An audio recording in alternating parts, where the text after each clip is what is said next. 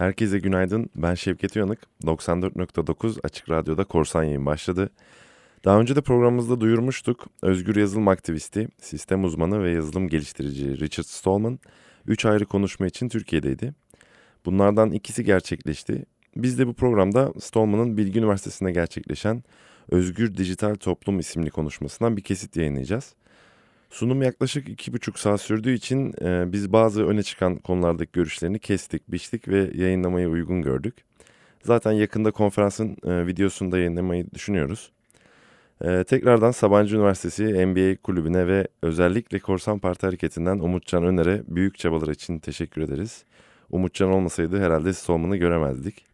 Unutmadan da söyleyelim Richard Stallman Özgürlük Sohbetleri serisi bu akşam 19'da Ankara'da devam ediyor. Konu özgür yazılım ve özgürlüğünüz. Ee, Pazartesi akşamı 7'deki bu konuşma Ankara Üniversitesi Cebeci yerleşkesinde Ahmet Taner Kışlalı Sanat Evi'nde olacak.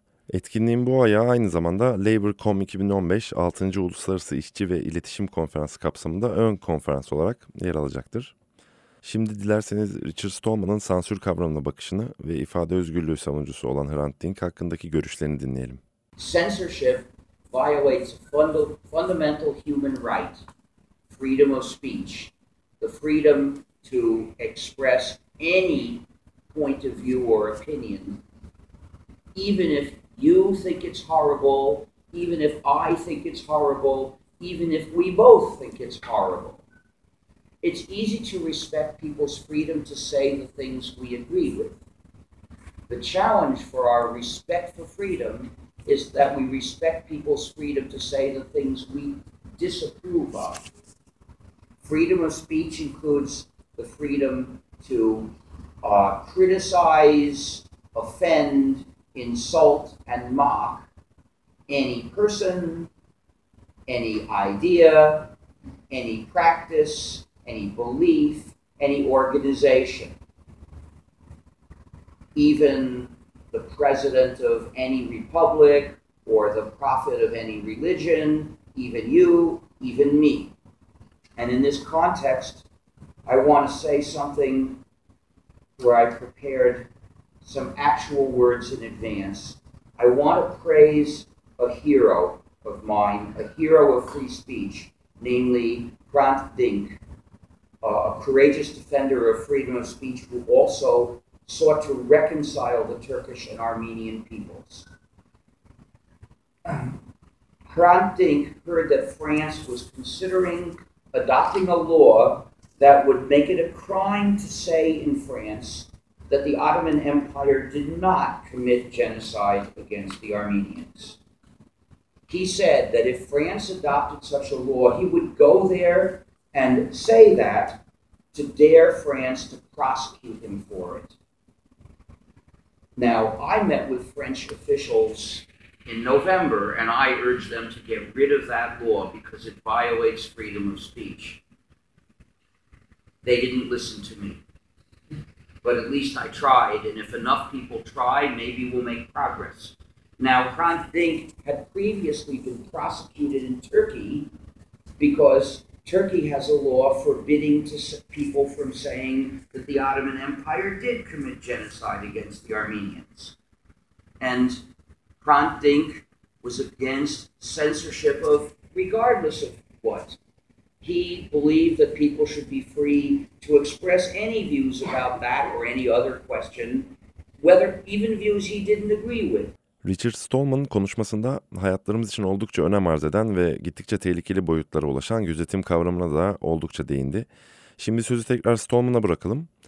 Dijital gözetim toplumu ve bunun karşısındaki Edward Snowden gibi kamu ihbarcılarının demokrasi üzerindeki etkileri nelerdir sorusunu bizler için cevaplasın. Non-free software is the root of most injustice in the digital society. But there are other injustices in many cases related to non-free software. One of them is surveillance. Digital technology has exposed us to surveillance far beyond the Soviet Union, and this threatens democracy. You see, democracy means that the people control what the state does. But that means we need to know what the state does, and the state tends to act secretly. To control that, we have to find out, which depends on whistleblowers, the heroes that tell the public what the state is really doing. People like Edward Snowden. But the state tends to label whistleblowing as a crime and put the whistleblower in prison. And this discourages people from whistleblowing, which means we don't find out enough about what the state is doing and we don't have democracy. So, if being a whistleblower and not going to prison requires the courage and the careful planning of a Snowden, we won't have enough whistleblowers. Thus, we must reduce the level of surveillance in society to a point where the state can't find the whistleblowers. So, surveillance is not just a threat to a few people like whistleblowers and dissidents, it's a threat to democracy itself. We must reduce the level of surveillance. So, how is surveillance done? Sometimes surveillance is done by the state, sometimes it's done by companies. But the data that the companies collect about people, they provide to the state. So really, it doesn't matter whether it's the state or a company that's collecting the data, it has the same result. It's very dangerous. Don't think that surveillance by a company merely means they show you different ads. The state's going to get that surveillance data too. Sometimes the surveillance is done through people's own computers. In that case, with free software, we can get rid of the surveillance. We can protect ourselves. And we should. We should reject non free software. But there are other ways that they surveil people. Sometimes it's done through systems we use that are not ours. For instance, uh, the phone company that you use or the ISP that you use. You talk through their systems but their systems don't belong to you. If they're running free software in their systems, which I hope they are, you don't control those programs, they control them, their copies. But that means you can't stop them from doing surveillance just because they're running free software. You see, when you're running free software, you can control those copies. When the phone company's running free software, the phone company can control those copies, which is how it should be, but that doesn't protect us from surveillance by the phone company. And in fact, phone companies record all the calls people make. With portable phones, they record where the phone is every few minutes. And with an ISP, it records all the contacts, the internet contacts that the computer makes. And this is also dangerous. And then there are other systems just for surveillance, massive surveillance. In the US, there are now thousands of license plate recognizer cameras. They are set up by local governments, but they're being hooked up together to turn it into a car tracking network like the one in England. In England, they've already set up so many cameras that they track all cars. They can tell where a car was on a certain night four years ago. It's easy to keep this data for many, many years. And they can find any given car in real time. Now, what do governments do when they have this kind of power? They sabotage political opposition. In England, they already sabotaged a protest by having the police arrest protesters, well, suspected mm-hmm. protesters, who were believed to be on their way to a protest. And they sent these thugs to arrest them with no charges. They had no charges to make against these people. But the, the thugs arrested them and stopped them from going to the protest until it was over. And then the thugs let them go. They didn't suspect anything that they could use to charge these people. All they did was sabotage democracy. So to stop the state from sabotaging democracy, we need to prevent the state from knowing who everyone talks with and where everyone goes. In fact, there are, there are whistleblowers in prison in the U.S. just because the U.S. collected lots and lots of phone records and they could see who in a certain agency ever talked with a journalist. That was enough to identify people and put them in prison. To make democracy safe, we have to reduce the level of massive surveillance to the point where the state can't do that anymore. Korsan yayında sosyal paylaşım sitelerinin tehlikeli yönlerinden sık sık bahsediyoruz. Peki Richard Stallman sosyal medya sitelerinin dijital özgürlükleri ihlal eden yanlar hakkında neler düşünüyor? Dinleyelim. Now, I mostly talked about surveillance, but you don't realize how much surveillance websites are doing. It's more than you would think. For instance, Facebook does surveillance even on the people who are not users of Facebook. If you visit a page and that page shows a Facebook like button, Facebook knows that your computer visited that page.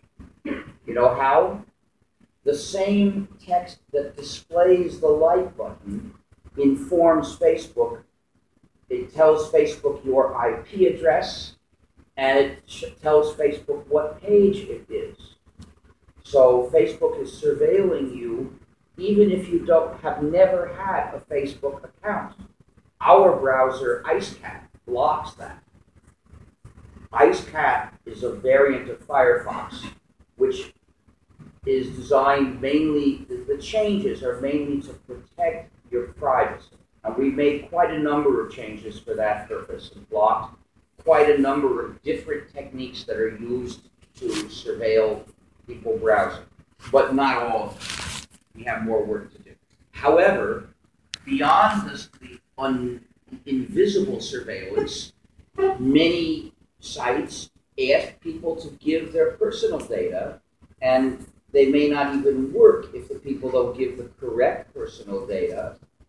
Uh, and this is not but they ask for more than they really need because they want to collect personal data about people. That's the real motive for the site in many cases. It's not so, you know, serving people in some way is an excuse to collect data about them. And that data is made available to other companies and to, to various states as well. And it's more than, and they, well, they try to give the people the wrong idea of what they're doing. Richard Stallman şimdi bu programda kısa bölümlerini dinlediğiniz Özgür Dijital Toplum başlıklı konuşmasının başında özgür yazılım felsefesini uzun uzun anlattı. Peki acaba kullandığımız dosya paylaşım platformları ve bulut olarak tabir ettiğimiz veri depolama hizmetleri gerçekten özgür yazılım felsefesiyle uyuşuyor mu? First of all, many web pages contain programs. These programs can be free or proprietary like every other program, but most of them are proprietary. Some of them are free. These programs are written in the language JavaScript. So we often talk about JavaScript programs just to identify what we're talking about. Those are the programs that are that are found in a web page, and when you visit that page, most browsers will install that program and run it in your computer, meaning you're running non-free software. To protect ourselves from that, we developed the program LibreJS. This program is an add-on for Firefox. It checks each JavaScript program that tries, that's in a web page and tries to install itself to see if the program is either trivial or free. If it carries a, comes with source code and carries a free license, it's free. In those two cases, the program is permitted to run. But if it's non-trivial and non-free, LibreJS blocks it and warns you on the screen, which is important. Libre, so it protects you from being led unknowingly into running these non-free programs. LibreJS does one more thing. It searches heuristically through the site to find how and where to contact the webmasters so that you can then complain about the non-free JavaScript very quickly. If you've ever tried to complain to the webmasters, you know the hardest part is finding where to send your complaint. LibreJS does that for you. So you can complain in just a minute. You click on the address it found, and then you type in your complaint. Couldn't use your site because it requires running a non-free JavaScript program, and without that, it didn't work. Please fix this. Send. In less than one minute, you can send a complaint. In 10 minutes a day, you can complain to 10 different sites. This is a useful contribution. Please complain and complain and complain and complain. Günümüzde e-kitapların ve bunları okumamıza yarayan cihazların kullanımı oldukça yaygınlaştı. Acaba internetten kitap satın alma ve okuma servislerinin mahremiyete ya da diğer temel insan haklarına aykırı olma ihtimalleri var mıdır? Ya da varsa bunların örnekleri nelerdir? Söz tekrar Richard Stallman'da.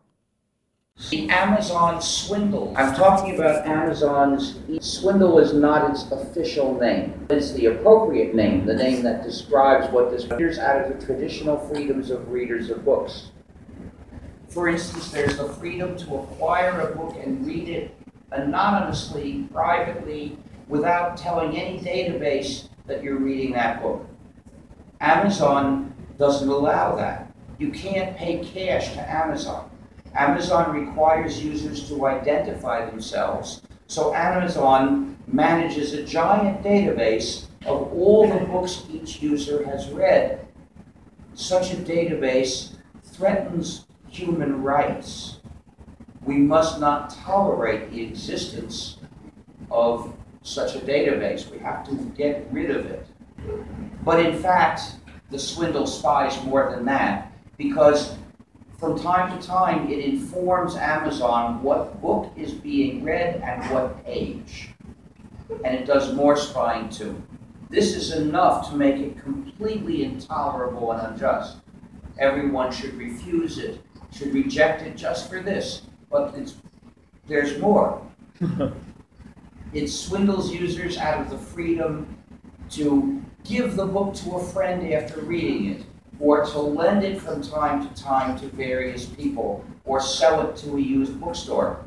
So this is done by the digital handcuffs in the software in the swindle, together with the unjust contracts that Amazon imposes that say the user doesn't actually own a book. Amazon practices a brand of communism more radical than the Soviet Union in the Soviet Union, people were still allowed to own a book. But Amazon says all of your books are belong to us. then there's the freedom to keep a book as long as you wish. Amazon abolishes this freedom with a backdoor for remotely erasing books. We know about it by observation in 2009, Amazon remotely erased thousands of copies of a book in an Orwellian act. Somebody came to my talk and told me the book disappeared as he was trying to read it. and what was the book? It was 1984 by George Orwell. there was a lot of criticism so Amazon quieted the critics by promising it would never do this again unless ordered to by the state. If you've read 1984, that's not very comforting. 1984 presents a state, a, a tyrannical state whose crimes begin with burning the books it doesn't like. The official name of that product is the Kindle. Kindle means to start a fire. Perhaps that name is meant to suggest that its real purpose is remote virtual book burning of the books that users thought were theirs. Anyway, whether Amazon's promise is sufficient doesn't matter because Amazon didn't seriously mean that promise. It was just meant to get people to shut up. Amazon has gone back to remotely deleting books without even being ordered to by a state. Ve Richard Stallman'a son bir soruyla programımızı bitiriyoruz. Ee, ticari yazılımların ve tekelci dosya formatlarının dijital toplumun özgürlüğüne aykırı bir durumu söz konusu mudur?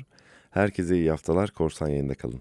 Data formats designed to, the data formats that restrict people, I should say. In many cases, it's because they are secret. We refer to those as digital handcuffs because that's what they do. That's why they're secret. They're kept secret to restrict people. For instance, some applications, proprietary software, of course, save the user's data in a secret format to stop the user from taking that data to some other program and operating on it. Typically, they do this because they have a commanding position in that particular market. The developers of the proprietary program do this. They implement a secret format because they figure that this way they will trap all their users. Those users will be unable to use any other program, and that means nobody will even try to develop another program to compete with them. Sometimes they use these secret formats for distributing copies of publications, and that's extremely common. Um, we see it in many kinds of media, you know, in music, books, videos, that they're distributed in secret encrypted formats, which are designed for the specific purpose of restricting users. I think this ought to be illegal, practice of making programs to restrict users. And it's not just programs, there's hardware whose purpose is to restrict users too. Ordinary PCs are typically sold with malicious hardware to encrypt the video signal between the processor and the monitor. The sole purpose of that hardware is to restrict users, to stop them from saving a copy of the video. However, that circuitry is not activated except by some malicious proprietary software. So, uh, if you're running a free operating system, the circuitry doesn't hurt you because it won't be used. But the circuitry is only there to hurt you. Another example of a format that formats that restrict people are the the MP or MPEG formats. They're not secret, but they're patented. And that means that distributors of GNU slash Linux distros, in many cases, don't dare include that software. They're afraid of being sued. I should explain these patents exist in some countries, not all. So, what does this do to the distributors of a GNU slash Linux distro? If yes, we have free software to handle these formats like MP3. There is free software for MP3, but many of these distributors don't dare include that software because they're afraid they'll be sued. So they have two choices. Either distribute their version of GNU slash Linux with no software to handle MP3. But that's bad. The users get this and they say, hey, what's wrong with this lousy system? It can't play an MP3 file. Or they can distribute it with a licensed proprietary program to handle MP3, and then the distro is not free software. This is why I do not make MP3 files, and I hope you never will either. Because if you make an MP3 file, you are increasing the pressure and, and then you you know you'll contribute to the tendency to use MP3 format. And that practice is what causes both of the causes the option of not supporting MP3 to be bad for users. Since I don't want to contribute to this problem, I never I have never in my life made an MP3 file. I make an ogg vorbis file. The other format that restricts people is Flash. Now, Flash has a secret extension for digital handcuffs. But aside from that, it's not secret. Aside from that, this format is published and it's not patented as far as I know. The problem is Adobe has changed the format so frequently that we have been unable to keep up. We only have support for Flash version 8 in our free software, which means if something is distributed in Flash, it makes users run proprietary software, which is bad for their freedom. So this is what, so none of these formats should ever be made. I don't see any harm in playing an MP3 file. If you get free software to play it, by all means play it. But you shouldn't make an MP3 file. If you're going to make a file of sound, use a format that's free, like Ogg Vorbis or FLAC.